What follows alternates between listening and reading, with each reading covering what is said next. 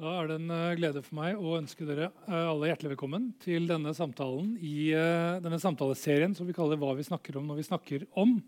Jeg heter Espen Gamlund, professor i filosofi ved Universitetet i Bergen. Og Temaet for samtalen i dag er rettferdighet. Og Det er jo et tema som favner ganske vidt. Et stort tema. Det er et gjennomgangstema i etikk, politisk filosofi, i uh, politikken, uh, i dagliglivet. rettferdighet er også noe som opererer på flere forskjellige nivåer. Det er noe vi tilskriver individer. Vi snakker om rettferdige individer. Det er noe vi tilskriver handlinger, rettferdige eller urettferdige handlinger. Det er noe vi tilskriver institusjoner. vi snakker om rettferdighet mellom generasjoner. Så det er et tema som, som spenner eh, veldig eh, vidt. Eh, Aristoteles skilte også mellom to hovedformer for rettferdighet. Så Det han kalte utvekslingsrettferdighet, som handler om hva som er en rettferdig straff, og fordelingsrettferdighet, som er, handler om hva som er en rettferdig fordeling av goder og byrder i samfunnet.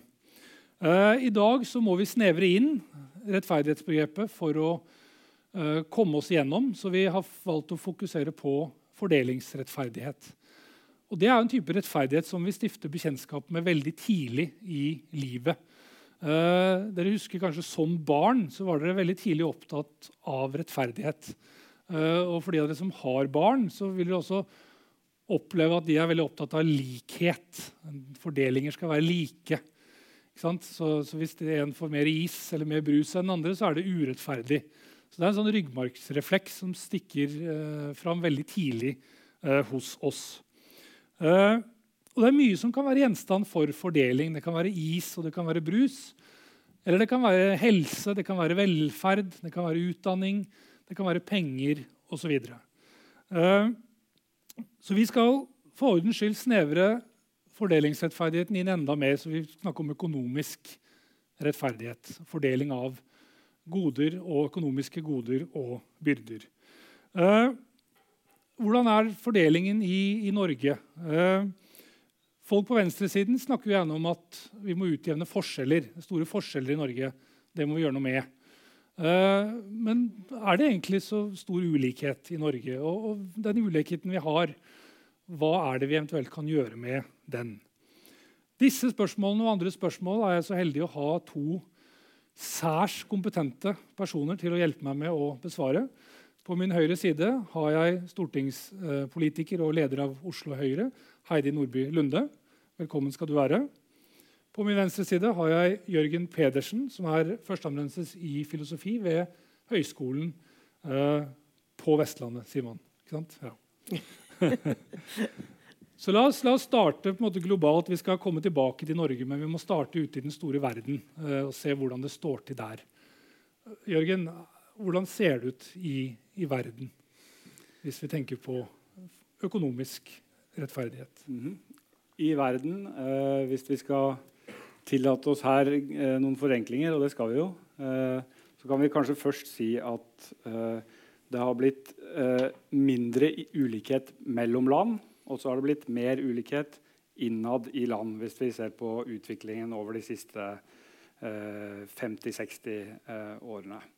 Eh, og en ulikhetsforsker, en eh, økonom som har vært opptatt av dette, har beskrevet eh, fordelingen av inntektsveksten ved noe som til tider blir kalt for eh, elefantkurven. Hvor man da kan tenke seg rumpa til elefanten er litt høyere enn ryggen. sånn at det representerer da eh, det som eh, lavinntektsgruppene i land som India, Kina og eh, det som tidligere var lavinntektsland, den er litt høyere. De har fått litt, en litt større del av inntektsveksten i det siste. Mens ryggen, da, hvor det går litt ned, det representerer folk i, i middelklassen og lavinntektsgrupper i de rike landene i Europa og USA. De har fått litt mindre andel av inntektsveksten, men så har vi da eh, snakker Milanovic om denne eh, snabelen som da eh, peker oppover hos elefanten og representerer da eh, de rikeste 10% og de rikeste 1% til slutt, som har tatt en veldig stor andel av inntektsveksten de siste årene. Så den rikeste 1% globalt sett har da tatt 27% av inntektsveksten, ifølge eh, de siste tallene jeg har sett på mm. dette. Så det sier i hvert fall litt eller, om eh, hvordan det ser ut globalt, eh, globalt, sett. Mm. Jeg har uh, bodd i et, uh, i et, land som heter Georgia det siste halvåret. Og det er et land som uh, opplever en stor grad av ulikhet. en tredjedel av den georgiske befolkningen lever fortsatt under fattigdomsgrensen, selv om de også har opplevd en vekst de siste årene. mange i Georgia sier de hadde det bedre i gamle Sovjetunionen enn de har det i dag. Og det er store forskjeller mellom de aller rikeste og de aller fattigste. Hva, Heidi, hva, hva, tenker du på når du tenker på det globale perspektivet? Hva vil du trekke fram? Da vil jeg si at um, Hvis du ser på bildet og statistikken vi faktisk får fra FN, de, de av oss som faktisk leser den, eh, så vet vi at de aller fleste har det mye bedre i dag enn det de hadde for 20 år siden. Det er flere som har tilgang på Nei, Det ene stedet hvor vi ikke ser en utvikling, er nesten sånn tilgang på rent vann. Mm. Det er den ene eh, som de måler, som, som, man ikke dessverre har noen særlig god utvikling på. Flere barn lever opp eh, til å bli voksne. Barnedødeligheten har gått ned. Antall kriger og militære konflikter har gått ned. Det er færre som dør i krig og, og uh, konflikter. Vi hører mer om det, og vi føler det tettere eh, på. Men det er faktisk færre som dør i dag. Det er flere som har tilgang til, uh, til mat, flere som har tilgang til helse, flere jenter som får utdanning. I det hele tatt, På de aller, aller fleste parametere går det mye mye bedre i verden nå enn for mm. bare 20 år siden. Så det er fint å ha med seg da, i en sånn uh, diskusjon. Mm. Samtidig så er det som, eh, som, dere er inne på, at du har sett at um, ulikheten mellom land har, har, blitt mindre. Men ulikheten inni land er, uh, har økt. Men det er jo ikke fordi at noen da har tatt, tatt alle verdiene i det landet og stukket av fra det. Du har stort sett hatt en Alle var fattige tidligere, og så har alle gått opp dit, og så er det noen som har tatt mer av. Um, og når du snakker om Georgia, så er det et godt eksempel på et land hvor du har et dysfunksjonalt styresett. Så uavhengig av verdiskaping, uavhengig av innsats, så klarer du altså ikke få en god fordeling på de verdiene som faktisk er der. Det er morsomt at du sier det, nemlig for jeg har, å, jeg har tenkt å dra dit på ferie i sommer, ja, okay. så jeg har begynt å lese meg litt opp. Ja, Helt tilfeldigvis. Ja. Um, og så er vi alltid innom denne 1% rike eller 10% rike. Og hvis vi går tilbake litt statistisk på det også, så ser vi jo at vi hele tiden snakker om den 1% eller 10% Men jeg tror det er greit å også ha med seg at det ikke er de samme menneskene fra tiår til tiår. Uh, hvis man følger Forbes eh, liste over de rikeste eller største selskapene i USA, så vil du si, ser at selskaper har kommet og gått. og noen er igjen, Det er noen, en håndfull selskaper som er igjen mm. fra 50-tallet til i dag. Det samme har skjedd med formuer. Formuer har kommet og gått. og Man sier jo gjerne at én uh, generasjon å bygge det opp, og så tre generasjoner å, misbruke det. Mm. Og, og, så er det ute. Bråten mm. Safe husker kanskje noen. Eksisterer ikke lenger. Og i dag så er vi vel alle litt sånn Sjøs vi SAS etter den reklamekampanjen de uh, hadde en liten uh, feilslå med. Så vi må huske på at det, bak statistikken så, så, så er det mer uh, nyanser enn det vi ofte hører i den generelle debatten. Mm. Mm. Du sier jo gjerne at det, hvis vi sammenligner Norge med andre land, så står det jo ikke så helt gærent til her. Men, men hva, er, hva slags perspektiv skal vi ha? Skal vi sammenligne Norge med andre land, eller skal vi som, som Heide inne på, skal vi sammenligne kanskje Norge med seg selv og hvert land med seg selv? Mhm. Hva tenker du?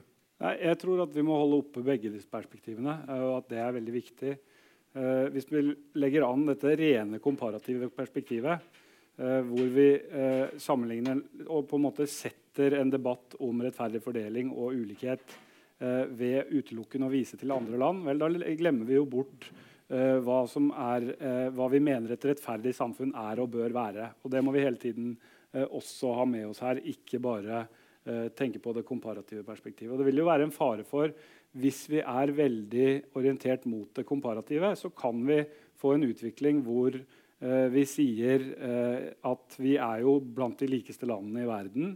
Slår oss litt på brystet for det. Og så øker ulikheten i, i, over tid jevnt og trutt. Og vi fortsetter å være blant de likeste landene i verden. Eh, men ulikheten jevnt over stiger. Eh, og det endrer jo eh, folks livsbetingelser i samfunnet. Så vi må hele tiden være oppmerksom på, på begge deler og holde oppe begge perspektivene. Tror jeg er helt avgjørende. At vi også legger frem hva vi mener et rettferdig samfunn skal være, sånn at vi ikke fortaper oss i det rent komparative. Mm, mm. Altså I det konservative, hvor, hvor si, mitt, mitt, parti har sin, eh, sine ideologiske røtter, så sier man jo at man må endre for å bevare.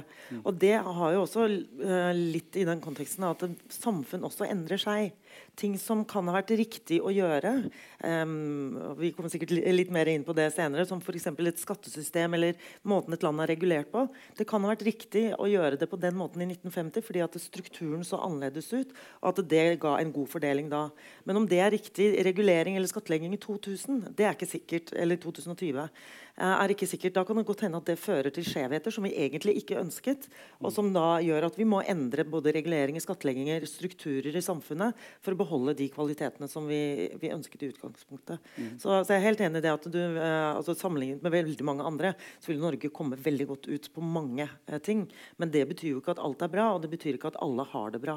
Og Det må vi også huske på, for ellers så klarer vi på en måte ikke eh, målrette tiltak eller målrette politikk til å hjelpe de vi faktisk ønsker å hjelpe. Mm. Men Betyr det at uh, rettferdighetsidealene forandrer seg i, historisk, eller er det noen rettferdighetsidealer som vi holder fast ved, og som er stabile over tid? De har nok endret seg, øh, endret seg, ja, fordi at vårt syn på mennesker har endret seg. Jeg har lyst til å minne om at Det er ikke mer enn ti år siden eh, at uh, homofile fikk lov til å gifte seg i Norge. Uh, det er uh, 30 år siden, og, ja, bare 30 år siden, altså innenfor min livsalder, at man hadde borgerrettsbevegelsen i USA. Vi har hatt et veldig ubehagelig menneskesyn. For bare kort tid siden så er det klart at vårt syn på rettferdighet og hvem som skal få rettferdighet, det har endret seg. Og det endrer seg hvert, uh, hvert tiår. Jeg bare lurer på hvem, hvem, hvem er neste nå? Ja. Men, uh, men, vi ser jo at dette er i, i, endring hele tiden og omfatter stadig flere og flere. Så sånn sett så vil jeg jo si at uh, verden går jo framover. Mm. men man får store tilbakeslag som vi også ser, og, og motstand mot mm. nettopp disse endringene som vi ser bl.a. i Europa akkurat nå. Mm. Da kan vi vel egentlig si Jørgen, at rettferdighetsidealet er det samme hele tiden. Like tilfeller skal behandles likt. Forskjellsbehandling krever en relevant forskjell. Det var jo på en måte Aristoteles sitt, sitt prinsipp. Og så vi bare, blir vi bedre bare på å inkludere de som, som bør inkluderes. ikke sant? Ja, Hvis vi går så grunnleggende til verks og eh, refererer til like tilfeller skal behandles likt, så tror jeg at mange vil være enig i det i dag som de var for mange år siden eh, også. Eh, så eh, tror jeg at når vi beveger oss derifra til mer sånn detaljerte eh, teorier om hvordan vi skal fordele rettferdig, så tror jeg ikke vi kommer utenfor å si at her finnes det veldig mange forskjellige teoretiske tilnærminger og retninger mm. som har, opererer med for, forskjellige rettferdighetsidealer, og som, rett, og, og som vektlegger forskjellige ting på forskjellig måte.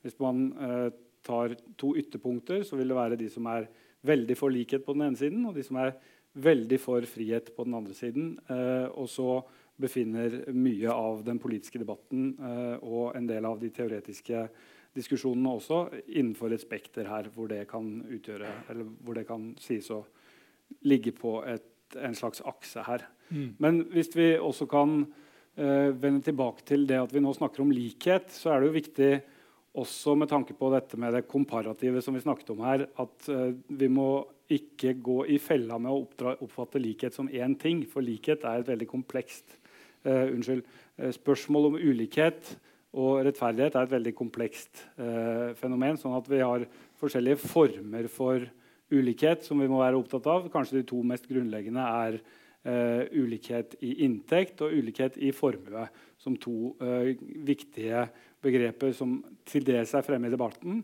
Og hvis vi skal begynne å, å, å pirke litt uh, over andre siden av bordet her, så vil jeg kanskje si at uh, veldig mange på høyresiden har vært veldig opptatt av å fremheve hvor like vi er komparativt sett, og da primært med utgangspunkt i inntektsulikhetsbegrepet, uh, men ikke vært fullt så opptatt av å, å, å se på ulikhet i formue, hvor vi da skiller oss, eller hvor vi ikke ligger på topp i, uh, i Europa, uh, slik som vi vil gjøre hvis vi primært er opptatt av ulikhet i inntekt. Mm. Så hvis vi da fokuserer på formue, så vil vi i større grad ha grunn til å være bekymret for ulikhetsutviklingen i Norge, f.eks. Da er spørsmålet hvorfor. Er det grunn til bekymring? Ja, og da, da det kommer vi inn spørsmålet kunne sikkert du også stilt. Men, Ja.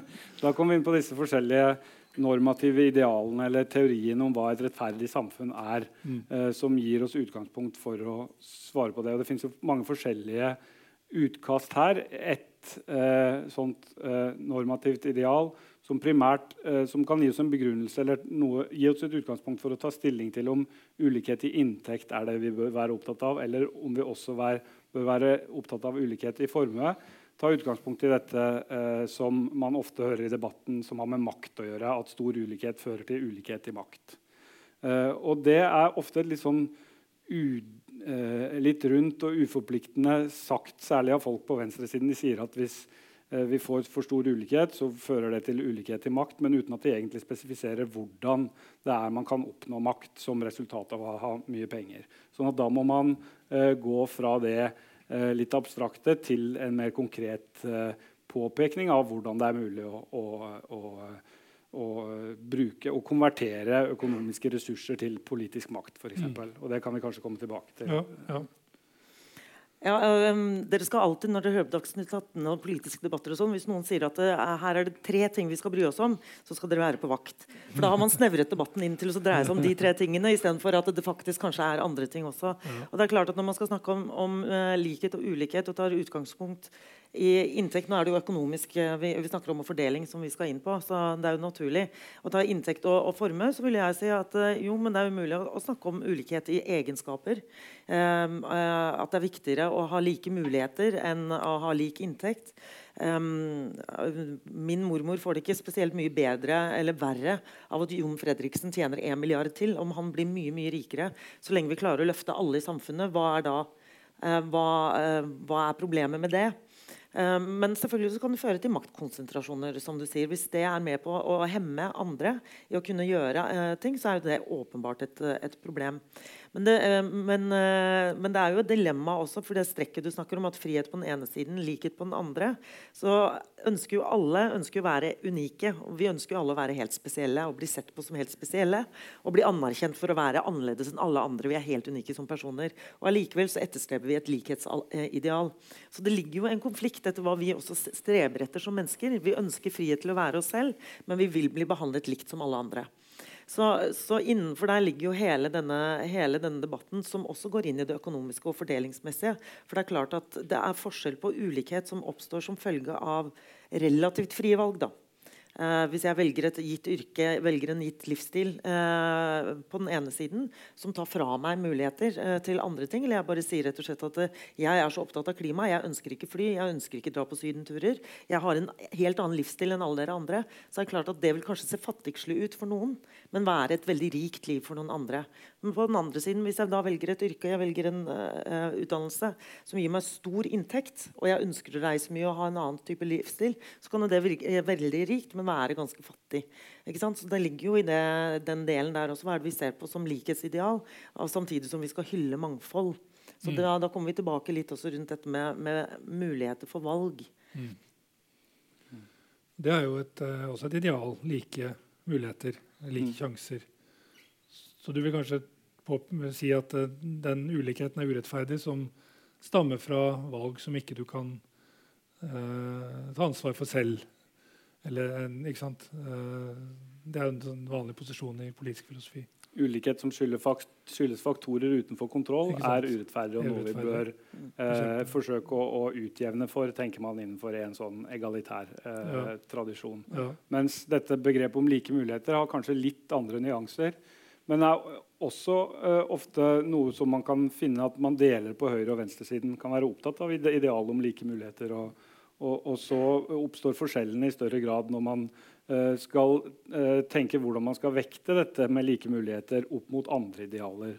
Tror jeg gjerne. Og Man snakker gjerne om to forskjellige former for like muligheter. Det første er et sånt formal, formalt ideal om like muligheter. At f.eks.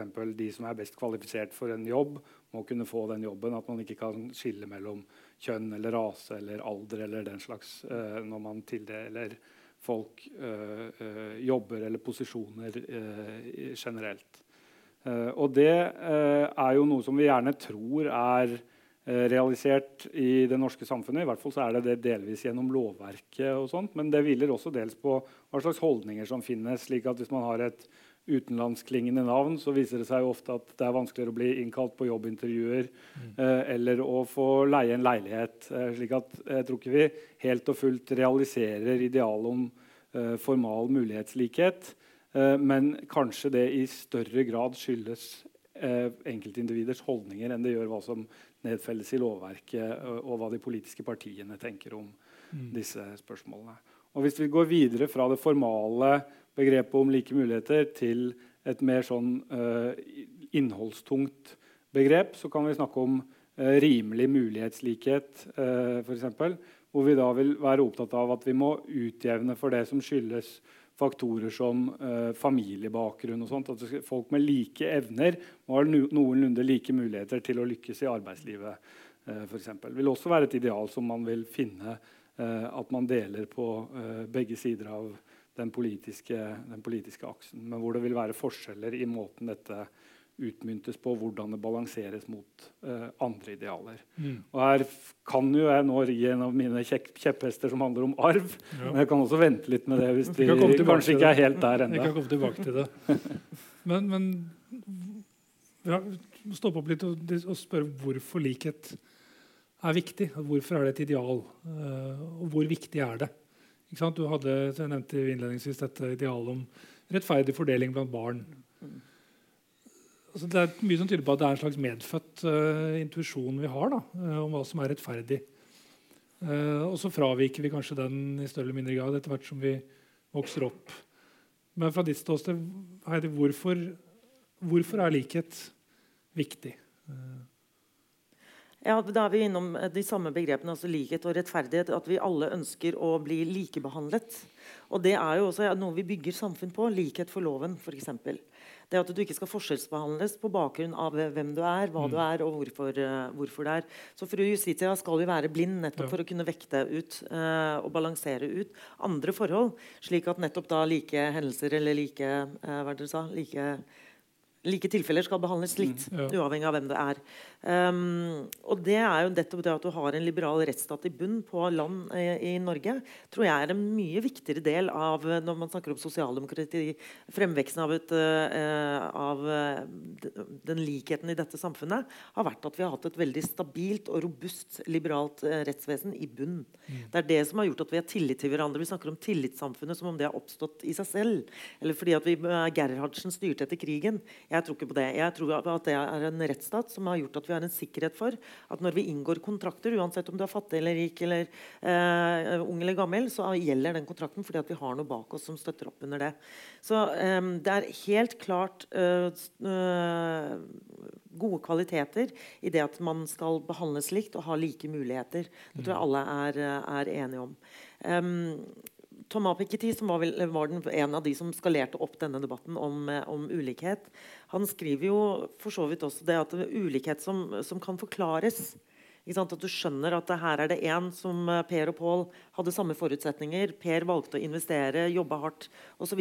Han grunnla et selskap. Har, han har da nå også mer enn det Pål har, som, bare, som, som, tok skolen og, og, jobbet helt vanlig, men som ikke, eh, ikke, jobbet like mye eller investerte såpass mye. Det, det akseptere folk. Mm. Men det han sier også er en viktig utgivende faktor. Hvis man skal investere nå, så er det lik mulighet til kunnskap, altså en god skole for alle. Eh, og så er det rimelige og tilgjengelige helsetjenester. For det er ting som vi ikke kan styre selv. At samfunnet må sørge for at det ligger til bunn. Og hvis du tar alle tjenestene som også tilbys i Norge, eh, når du da vekter inn inntekt og, eh, og formue, så vil jo det være i tjenestene som vi også utjevner, og tilgang til tjenestene utjevner forskjellene til folk. Så derfor blir det også litt snevert å bare begrense seg til inntekt og formue. Mm. Men Piketty var vel tilhenger av, er vel tilhenger av formuesskatt. Uh, ja, han er vel tilhenger av veldig mange skatter, han. og, noe, altså, han, han uh, og det er, det er, gode begrunnelser for det, altså. Ja. Uh, bare sånn det, det er sagt. Jeg, jeg, vil jo politisk være uenig. Ja. I, i, i, hvert fall på formuesskatten på arv så er jeg litt ute. Jeg er i, i tenkeboksen på den. Men vi, vi hadde en arveskatt i Norge som ikke fungerte ordentlig. Den var, den var, feil innrettet. Men jeg har heller ikke sett noen modeller for hvor, hvordan den kan gjeninnføres på en måte som slår ut bedre. Men formuesskatten eh, vil jo være en skatt på arv for så vidt, når, hvis den uh, opprettholdes. Og det er riktig det som, uh, som um, var det VG hadde 21 økonomer som sa at det er den mest utjevnende skatten i Norge. Ja, det kan godt hende, men det er jo ikke derfor jeg vil uh, altså, Det er jo ikke det som er begrunnelsen for å ikke ha den. Mm. Det å ikke ha den er jo fordi at den også slår veldig dårlig ut for personlige og familieeide bedrifter, f.eks. For eksempel. mm. Fordi du må skatte av en formue som ikke eksisterer, f.eks. verdien på lagervarer. Så hvis du går dårlig og også må betale formuesskatt på verdier som du ikke får solgt, så går du jo konkurs. Mm. Uh, og det kan sette norske arbeidsplasser i fare. og Det er begrunnelse for at uh, ikke jeg ønsker den, den, skatten. Men det er også andre gode begrunnelser for å ville innføre uh, å ha den. Og hvis den skal ha en utjevnende effekt, så må den i hvert fall være betydelig større enn en det vi har nå. Mm. og da snakker vi litt sånn SV-Rødt-perspektiv på, på innretningen. Men, men Jørgen sitt poeng med at uh, det å, å, ikke ha formuesskatt uh, innebærer maktkonsentrasjon og innebærer uh, mulighet til politisk makt som, som fordeles ujevnt. Hva, hva, tenker du om det perspektivet? Um, jeg tror jeg har lyst til at Jørgen utdyper det litt først. fordi jeg kan ikke se at, at Fredriksen eller noen av disse altså de, jeg har aldri hørt fra dem, så jeg vet ikke helt hvor de sitter og er. De er jo åpenbart mektige menn som sitter altså med en sånn formue. Mm. Men har de da politisk, kulturell um, uh, makt i Norge uh, som forskyver andre, eller som gjør at andre får mindre? Det er jeg litt usikker på. Uh, og det vil jeg gjerne høre mer begrunnelse for. Så kan jeg til og med hende at jeg er enig, men ja, ja. Vi kan prøve da, å vende tilbake til dette idealet om likhet knyttet til det at uh, en fundamental del av det, hvis man er opptatt av lik fordeling, vil være at alle må ha like muligheter for politisk innflytelse. Og Da må man gå derifra til å påpeke at det kan være et problem hvis vi har veldig stor formuekonsentrasjon, at de som har mye formue, kan bruke det til å skaffe seg politisk eh, makt. Og, øh, jeg har ikke studert Fredriksen, men sett på et par andre eksempler. Jeg tror må først ramme det inn ved å si, se på fem mulige måter man kan øh, oppnå øh, politisk makt. Altså Makt er jo mye, men e, en ting man kan se på er at hvis man eier bedrifter, så har man en svær bedrift, så har man en viss makt over de som er ansatt der. og sånt. Det holder jeg litt utenfor og tenker nå på hvordan man kan oppnå makt politisk ved å ha store formuer. Det første er da at man kan gi penger til politiske partier. Eh, det er litt uklart hva slags type makt man får ved å gi penger til politiske partier, men man kan i hvert fall tenke seg at eh, en eh, stor giver som i Bergen, f.eks. Trond Moen, har lettere for å få kontakt med sentrale politikere enn de som ikke gir, eller har muligheten til å gi til politiske partier på den måten. Så kan man to finansiere tenketanker.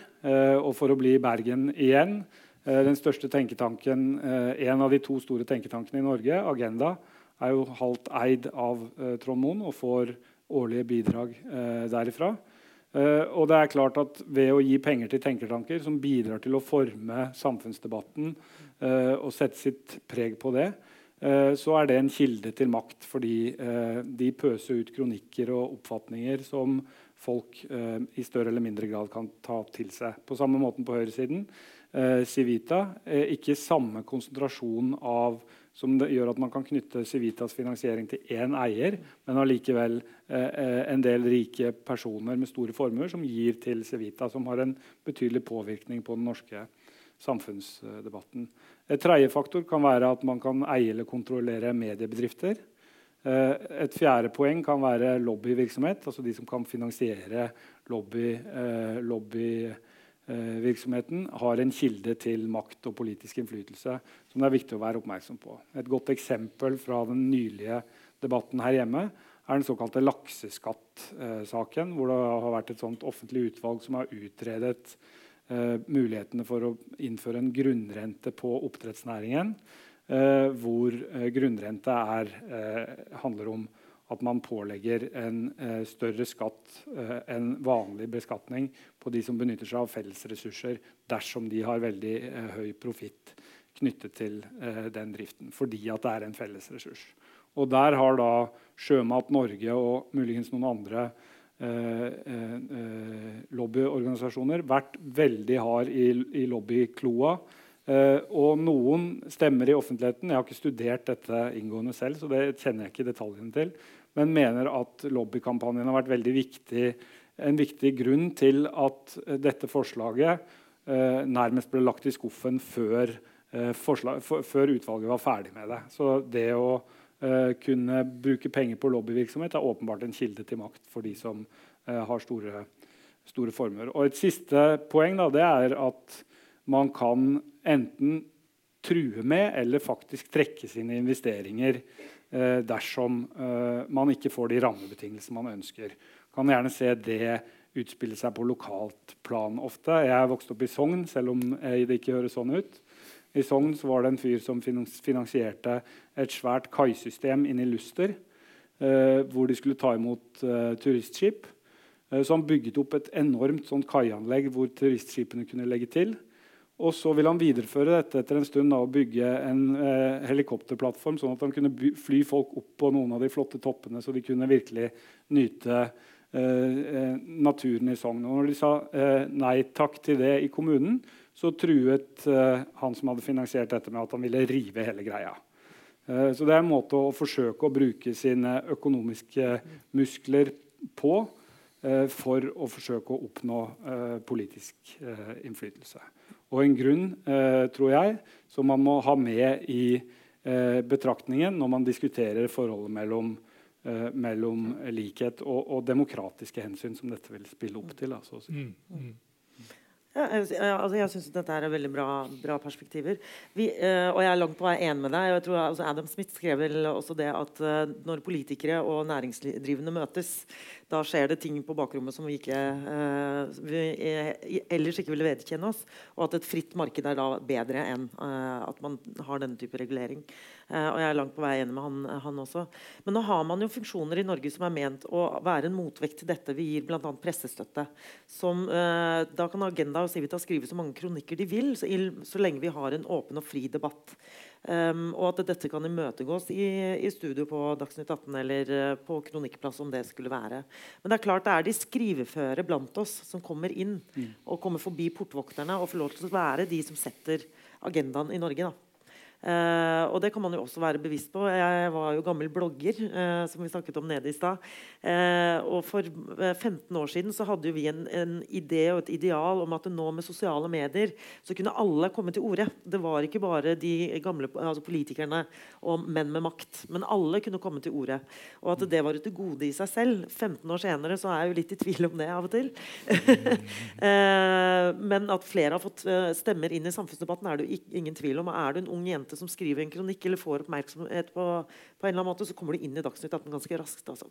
Og så er det negative aspekter ved det også. Så det, Mediene er der for å være en motmakt nettopp på eh, å ha et kritisk perspektiv på det som presenteres for offentligheten. Og det samme er eh, Som stortingspolitiker så har vi høringer veldig ofte. Eh, de ulike komiteene møter ulike organisasjoner. Eh, men innenfor f.eks. helse, arbeid sosial, og da jeg satt i eh, finanskomiteen, så møter vi veldig mange brukerorganisasjoner. Frivillige organisasjoner og bruker- og pårørendeorganisasjoner. Som jo også får offentlig støtte. Mm. Og de er jo også eh, ikke ja, Det er en form for særinteresse, men interesseorganisasjoner som da skal selvfølgelig vekte ut også noen av de store giverne, hvis, eh, hvis, det er den konsentrasjonen man er, er, redd for. Og jeg vil jo si at De frivillige i Norge i dag har en ganske sterk stemme inn til å sette agendaen i debatter. Og det er flere av dem på Stortinget enn det er, um, enn det er uh, redere, for å si det sånn. Um, så er jo jeg i den særskilte posisjonen at jeg kanskje er litt annen, annen type høyre høyrepolitiker, for jeg er jo da veldig for grunnrentebeskatningen. Mm. Uh, og det var våre venner her i Vestland Høyre som klarte å få gjennomført eller innført på landsmøtet vårt i, i, fjor at man ikke skulle gå inn for den beskatningen. Og det, det er jo også fordi at her har du veldig uh, mye næring som er opptatt av det. Mm. Men som uh, lederen av Vestland Høyre sier, altså han snakker med alle bedriftene, alle arbeidsplassene, og ser hva dette gjør for fylket. Uh, og Bergen, ikke minst, og hvor mange som er avhengig av disse arbeidsplassene. Og han er opptatt av det. sånn at Man skal ikke bare tro at bare fordi at man snakker med næringsliv, så snakker man om de rikes interesser. Det kan også handle om andre strukturer og arbeidsplasser. Men generelt så mener jeg at næringer som går med overskudd, og som uh, skaper sitt overskudd av det som er rundt dem, Eh, skal vi kunne også beskatte. Mm. Men det er en del av en større politisk debatt som, eh, som mange av de andre politiske partiene heller ikke har, uh, har landet ennå, altså, som det, det, også er sagt. Mm. Mm. Men, det, men det, er, du, du, sa et eller annet interessant tidligere, det med, med frihet og denne øh, ideen om rettferdighet. og Det fikk meg til å tenke på også liberalismen, som er en ideologi som har stått meg nært. og Hvor man har sett på rettferdighet som at dersom du har skapt noe, skal du få lov til å beholde mest mulig av det selv. Det går inn i skattedebatten. Mm -hmm. men i Norge i dag hvor, eh, så er det veldig få ganger du egentlig kan si at dette har jeg faktisk skapt helt selv. Vi har betalt for uh, skatt for, uh, som finansierer samferdsel, infrastruktur, rettsvesenet. Vi har skoler som utdanner flinke fagfolk. Mm. Altså, å si at du er din egen lykkes med, og du er selv helt ansvarlig for å ha skapt din formue, den kjøper jeg ikke. Og Det tror jeg også den brede høyresida burde begynne å, å, reflektere mer over. Og selvfølgelig skal alle betale skatt. Um, og de 10% rikeste i Norge står vel også for 40% av all personskatt. Så de med de bredeste skuldrene skal bære den, uh, den, tyngste børa. Det er vi enige om, men så er det de ulike innretningene igjen på de skattene og hvordan de, de slår ut. Mm. Ja, Da kommer vi kanskje tilbake igjen til formuesskatt her. og da tror jeg at uh, Uh, noen av de som har skrevet mest interessant om dette, er kompisene til Piketty, som du snakket om. Uh, Saez og Zuckman, blant annet, som har dratt opp denne debatten i USA. Hvor de har vært rådgivere for uh, hun Nå står navnet stille her.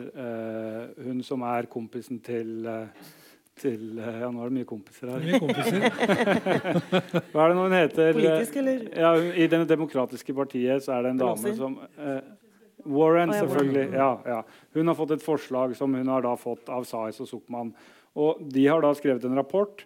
og den Rapporten eh, tar de utgangspunkt i den europeiske formuesskatten. fordi her har formuesskatten vært ganske lik på tvers av mange land, som de mener er helt forfeilet. Og Den grunnleggende feilen ved den er at den har altfor lave bunnfradrag. Altså her slår formuesskatten altfor tidlig inn.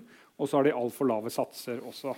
Og Det har, tror jeg kan føres tilbake til dette demokratiperspektivet.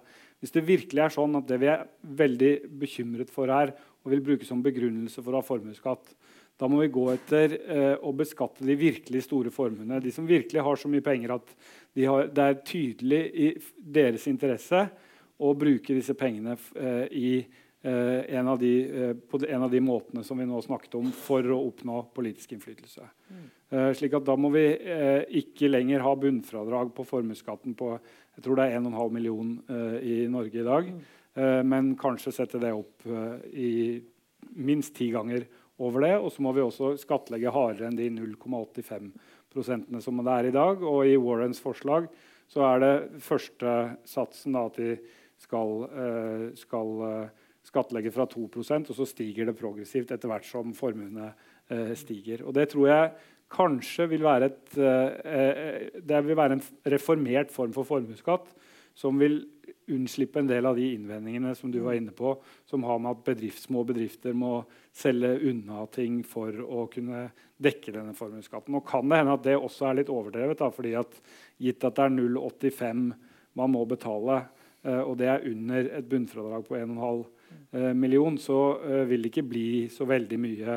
Eh, slik at Hvis man har en normal avkastning på 2-3% så vil man ha råd til å betale deler av denne formuesskatten. Men grunnleggende sett så tror jeg at eh, hvis vi skal redde formuesskatten i Norge, så bør vi reformere den kanskje i retning av noe av det som Sanders, eh, Bernie Sanders og Warren foreslår i USA, der vi først og fremst er opptatt av å ta de som virkelig har de store pengene, og som også har de eh, tydelige interessene til å bruke disse pengene for å eh, skaffe seg politisk innflytelse og sikre sine egne formuer. Mm. Så En reformert formuesskatt vil være det jeg tror er viktig her. Ja, og jeg tror at det kanskje kommer, eh, og det kan til og med komme fra en, en regjering med utspring fra, fra høyresida så lenge du legger det bunnfradraget. Altså ikke for å bli veldig teknisk her, men, men, siden du sier at dette her har kanskje ikke så stor betydning. Men uh, jeg husker ikke hva hun heter som er fra Arbeiderpartiet, som uh, er deleier familieeid bedrift. Uh, i fiskeri. Og som hun sier, også, min formue er i kjetting, i merder, i, i liksom, produksjonsutstyret. Og det produksjonsutstyret altså det, det, er ikke det som betaler fredagstacoen din. Liksom. Fordi det ligger jo der ute og, og, og, bidrar til verdiskapingen. Men hun måtte jo da, for å betale formuesskatten, som er da skatt på verdien av merda, og fisken i det, så måtte hun ta ut utbytte fra selskapet. og Da slår det også til at hun må betale utbytteskatt. Så for å få, kunne betale formuesskatt så måtte hun ta ut utbytte som hun da måtte betale 28 eh, utbytteskatt av. Og jeg tror de fleste ser at det er urimelig. Um, og det er derfor, og, og Vi innførte også utbytteskatten for å fjerne formuesskatten. Så dette her blir jo bare altså At næringslivet, eh, at folk der ser at dette er urimelig, det tror jeg man er enig om. Men det er igjen også, det er Norge er et medium skatteland. Vi har ikke så veldig høye skatter eh, apropos komparative, mm. når vi sammenligner oss med veldig mange andre, men vi har ganske høye avgifter. Eh, og Det er også et, en utfordring, fordi, fordi vi, vi, kan snakke mer om polarisering av økonomien. Det er fint at denne regjeringen har gitt 10 000 kroner eller hva det er, 10 000, 15 000 eh, i skattelette til vanlige familier. Samtidig så har man økt egenandeler på en del ting. Elavgiften har økt. Som du, du betaler direkte Eh, selv, istedenfor at staten gjør det nå for deg. Men det kan også slå veldig urimelig ut for de som har minst. i utgangspunktet. Uh, og den type polarisering av økonomien uh, det tror jeg er kanskje det farligste. Og da tror jeg min side av politikken burde ta et fot i bakken og se på ok, hvor står vi nå. Det er ikke sånn at hver for seg er det uriktig eller feil å gjøre disse tingene, men at det samlet sett kan bli en feil vridning fordi at man ikke ønsker den utviklingen. Og Det tror jeg man har sett i veldig mange land, og jeg tror også det er litt av bakgrunnen for at du har gule vestene i Frankrike blant Mm. At det blir, og bompengeopprøret, ikke minst siden jeg sitter midt i bompengelandet her. Um, at det blir urimelig at mer av byrden skal falle på noen få. Uavhengig av hva man måtte mene om at man skal kjøre bil eller, eller, klima. eller hva det måtte være, Men at det er veldig dårlig gjort at noen skal måtte bære hele den byrden. Og da slår det veldig feil ut. Så det er jo også en del av den, den debatten. Det høres ut som du er veldig, veldig enig da, egentlig om, om formuesskatten her. Som sagt, jeg er, jeg er en litt rar høyredame. Det, ja, ja, ja. Men jeg er jo for å fjerne altså, så, så, jeg, vil jo, eh, jeg er jo egentlig for å fjerne uh, formuesskatten. Men heller se på beskatning på f.eks. havbruk. Uh, den såkalte uh, lakseskatten. Også se på kraftregimet. Også se på andre, altså andre ting vi har. Fordi det å beskatte av ting som går med overskudd, er helt rimelig. Men ikke ha beskatninger som treffer og Formuesskatten er personlig, det er ikke en bedrift som betaler den. Det er, det er, de som eier den. Uh, som, som, kan treffe så feil at du betaler uh, skatt av noe som ikke har verdi, eller som ikke er realisert. Så f.eks. produksjonsutstyret ditt. Men den totale progressiviteten i skattesystemet mm. i Norge den er jo blitt, altså det er blitt veldig mye mindre progressivt over de siste 40 årene. og det skyldes jo dels at at uh, toppskattene har blitt redusert på inntekt, uh, at vi har fjernet arveavgiften og nå redusert, uh, redusert formuesskatten i den siste perioden. I tillegg til at selskapsbeskatningen er blitt mye mildere. Og den, den, siste er det kanskje veldig gode grunner til fordi det er så direkte knyttet til hvorvidt man kan opprettholde konkurransen mot, mot andre land og få investeringer til, til Norge. Men gitt det så eh, at det samlet sett fører til et veldig mye mindre eh, progressivt skattesystem, så er det nødvendig å lete etter eh, substitutter. Da, og da mener jeg at det er helt feil spor, og at man kunne hentet inn mye mer ved å ha hatt en reform av arveavgiften, hvor man også hadde lagt opp til et betydelig høyere bunnfradrag, og hvor man har en, den tilleggsbegrunnelsen som jeg tror mange kjenner seg igjen i, Eh, nemlig at eh, det er en forskjell på inntekt som man tross alt har gjort en innsats for, og eh, det eh, å arve noe som man får opp i hendene eh, uten å ha gjort en innsats for det. Og så er det selvfølgelig komplekst, da, fordi det ligger familieargumenter eh, i, i bånn her. Men jeg mener da at vi for å Dels for å sikre progressiviteten i skattesystemet, sørge for å bidra til å redusere ulikhet i formue, som er det jeg primært har vært opptatt av her, burde hatt eh, høyere beskatning på arv enn vi har på inntekt. For eksempel. Hvis vi tar arveskatt på arv, da. Mm. Så, så jeg, min farmor døde for noen år siden, og da fikk jeg eh, arv etter henne. Eh, hvor mye pros, mange prosent mener du at staten skal ta av den arven? 27,4. 27,4. Nei da, men uh, Nei, for du nevnte familieargumenter. Noen vil jo si at uh, familieargumentet det tilsier at uh, hun skal ha en rett til å gi, overføre enten det er verdier, eiendommer eller det er kapital mm. til sine barn eller barnebarn. uten at staten skal blande seg inn og ta en del av den kaka der. Mm. at det ligger kanskje Kanskje det er lange tradisjoner, flere generasjoner uh, som har uh, et, forhold til f.eks. en eiendom. Så hvorfor mener du da at uh, Hvor stor er gevinsten ved en skatt på det for at det skal kunne forsvares? Ja, Det viser noe av det kompliserte med spørsmålet om arv. fordi Det må ses fra begge perspektiv. Både fra mottakerperspektivet og fra giverperspektivet. Og fra giverperspektivet, din farmor, så uh, kan det jo tenkes da at hun oppfattet det som uh, avgjørende at hun må kunne bruke disse pengene på hvilken som helst måte, og også kunne disponere de etter sin død ved å overføre til deg. Og Det er mm. giverperspektivet. Uh, Spinket som, og spart et helt liv ja, kanskje, for å overføre penger til neste generasjon? Ja, eller, kanskje har hun til og med jobbet tre år lenger for å kunne gjøre det. Mm. Så det vil være et sånn type familieargument. Mange vil oppfatte det også som en dyd eller noe det er helt riktig og moralsk på sin plass å gjøre og overføre til eh, den neste generasjonen. Istedenfor å bruke det opp selv, så er det beundringsverdig at man ønsker å gi det videre? er det ikke det? Absolutt. Ja. Og, og, da må det eh, idealet eller den muligheten til å kunne gi videre balanseres mot andre hensyn, som handler om hva slags konsekvenser dette får for på det samfunnsmessige planet når det gjelder ulikhet i formue. For mm. Og også her så blir jo det det, høres, det virker alltid teknisk, men er allikevel helt avgjørende. Det å diskutere bunnfradrag er viktig. Da. Fordi uh, farmoren din uh, ville sannsynligvis Jeg vet jo ikke hvor uh, rik hun var. Men hvis, hvis, vi tar SVs forslag Nå har de vingla litt fram og tilbake, tror jeg. Men det første forslaget deres når de satte denne debatten igjen i norsk kontekst, var at de ville ha et bunnfradrag på 5 millioner. Mm. stemmer ikke det? Og da vil de fleste sånn type Uh, små hytter, leiligheter osv. ikke blir pålagt skatt på uh, arv i det hele tatt. Mm.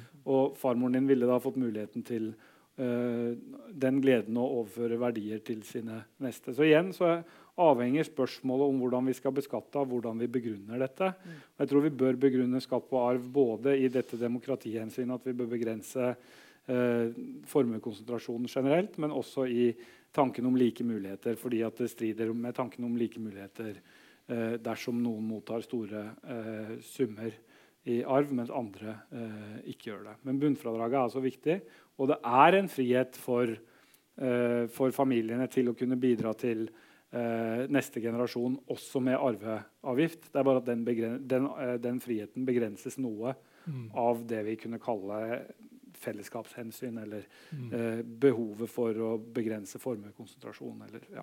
Mm. Hva tenker du? Skal staten legge begrensninger på friheten til å overføre verdier mellom generasjoner?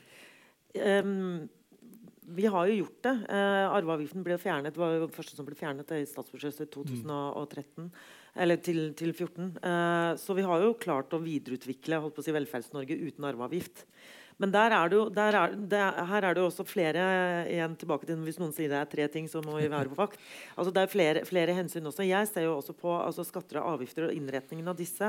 Så ser jeg på, men uh, har et litt annet utgangspunkt. Jeg ser på hvilke tjenester skal, er det vi skal tilby borgerne. Hva er det vi skal egentlig finansiere? Og så lager jeg et skattesystem ut ifra det. Ikke ut fra at nå må vi begrense noens muligheter eller frihet eller uh, da å overføre eller begrense maktkonsentrasjoner nødvendigvis.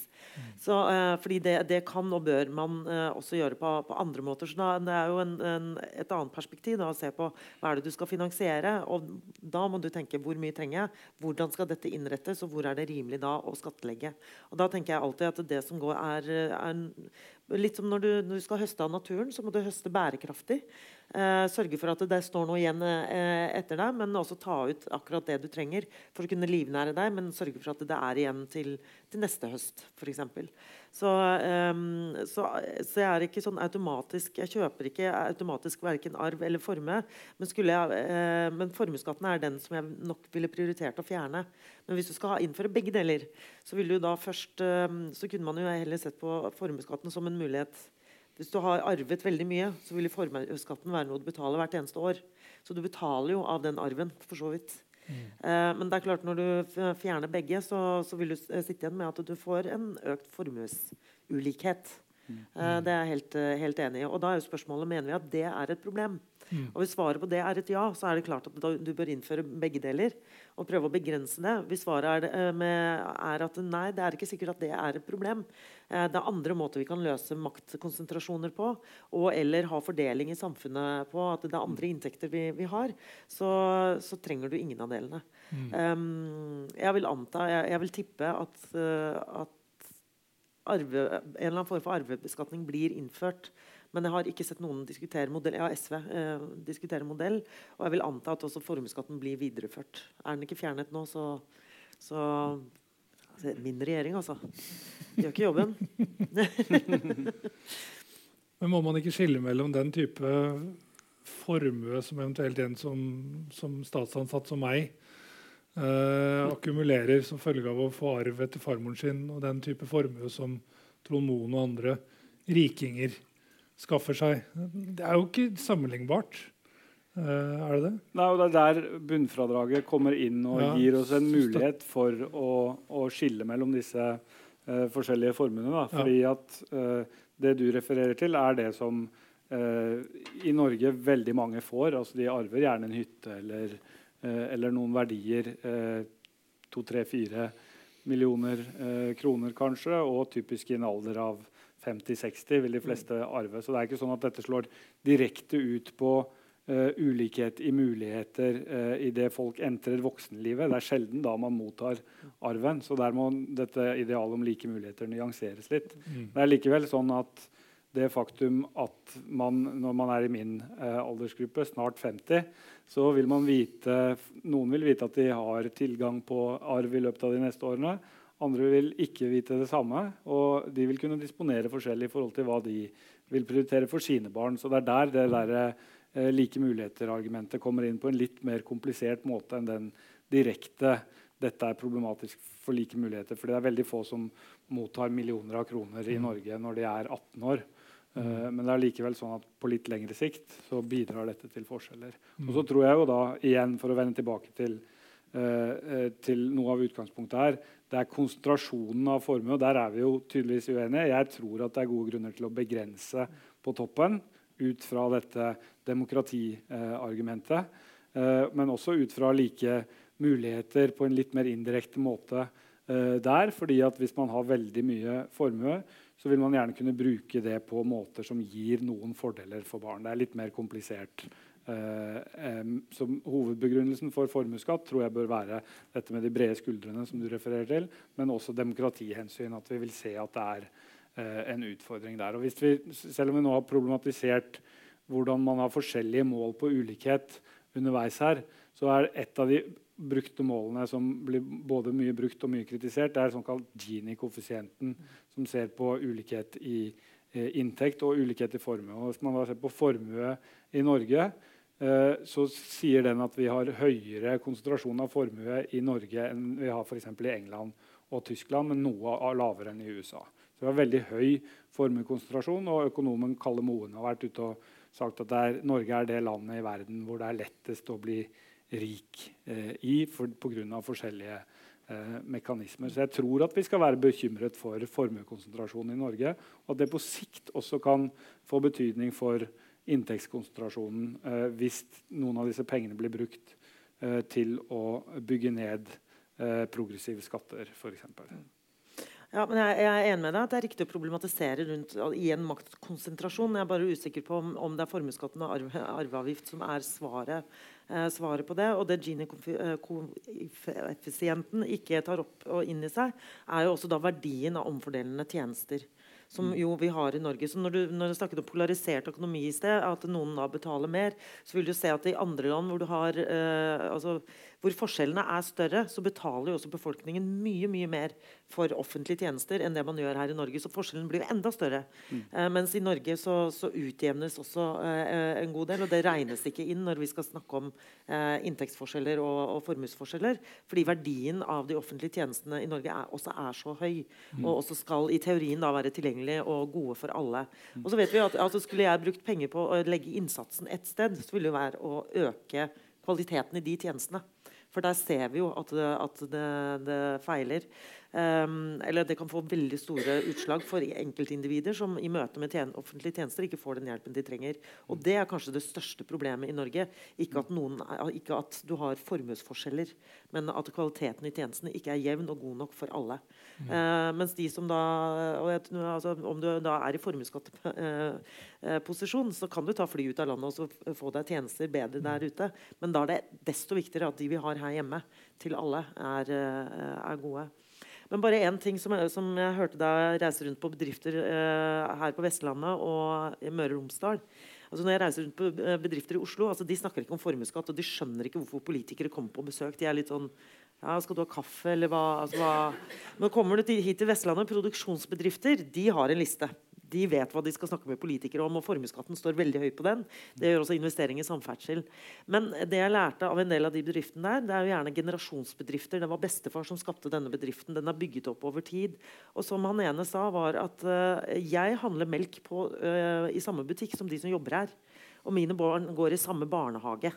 Eh, det er hvis vi kommer tilbake til det du spurte om, altså hvorfor er likhet, altså likhet så mm. viktig. Nemlig det at vi har, uh, vi har, små forskjeller, og vi har like tjenester som er mm. tilgjengelige for alle, er en egenverdi.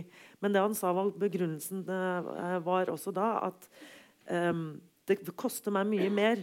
Og jeg tenker meg om enda flere ganger når det går dårlig, om jeg må sparke noen. For det har jeg ikke lyst til. De holder på folka sine lenger. Og når det mm. kommer da med formuesskatten, som de må betale for av denne kjettingen, av det fiskesnøret eller hva, hva, det er de produserer, så er det det de går opp mot. Skal jeg betale formuesskatt, eller skal jeg øh, øh, la noen ansatte gå? Og de ønsker virkelig ikke det siste, fordi at de vet hva de betyr for bygda. Så Vi snakker alltid om de med formuer og de som er eh, bedriftsledere, som om de ikke tar samfunnsansvar, med mindre vi tvinger dem til det. Jeg tror at det stikker noe mye mye dypere der enn som så, selv om du selvfølgelig finner eksempler på helt uh, uansvarlige mm. kapitalister som ikke på en måte ser samfunnet og hva verdien av samfunnet gjør rundt, gir rundt dem. Mm. Men det er derfor jeg kommer tilbake til den med at høyresida bør også bli bedre på å anerkjenne at formuer oppstår ikke av seg selv og at det er ingen som har bare tjent penger sånn fordi at de er så geniale. Det er vi som uh, samfunnet, fellesskapet, som har lagt til rette for at de har fått en utdanning, at de har fått høyere utdanning, at du har infrastruktur, at du har tjenester rundt dem som gjør at dette fungerer. Og det burde vi være veldig takknemlige for. Mm. Kanskje jeg kan henge meg på, siden du brakte inn Piketty her også. Han kom, to minutter, da, ja. to minutter, okay. han kom med en ny bok eh, som kom på engelsk i forrige uke.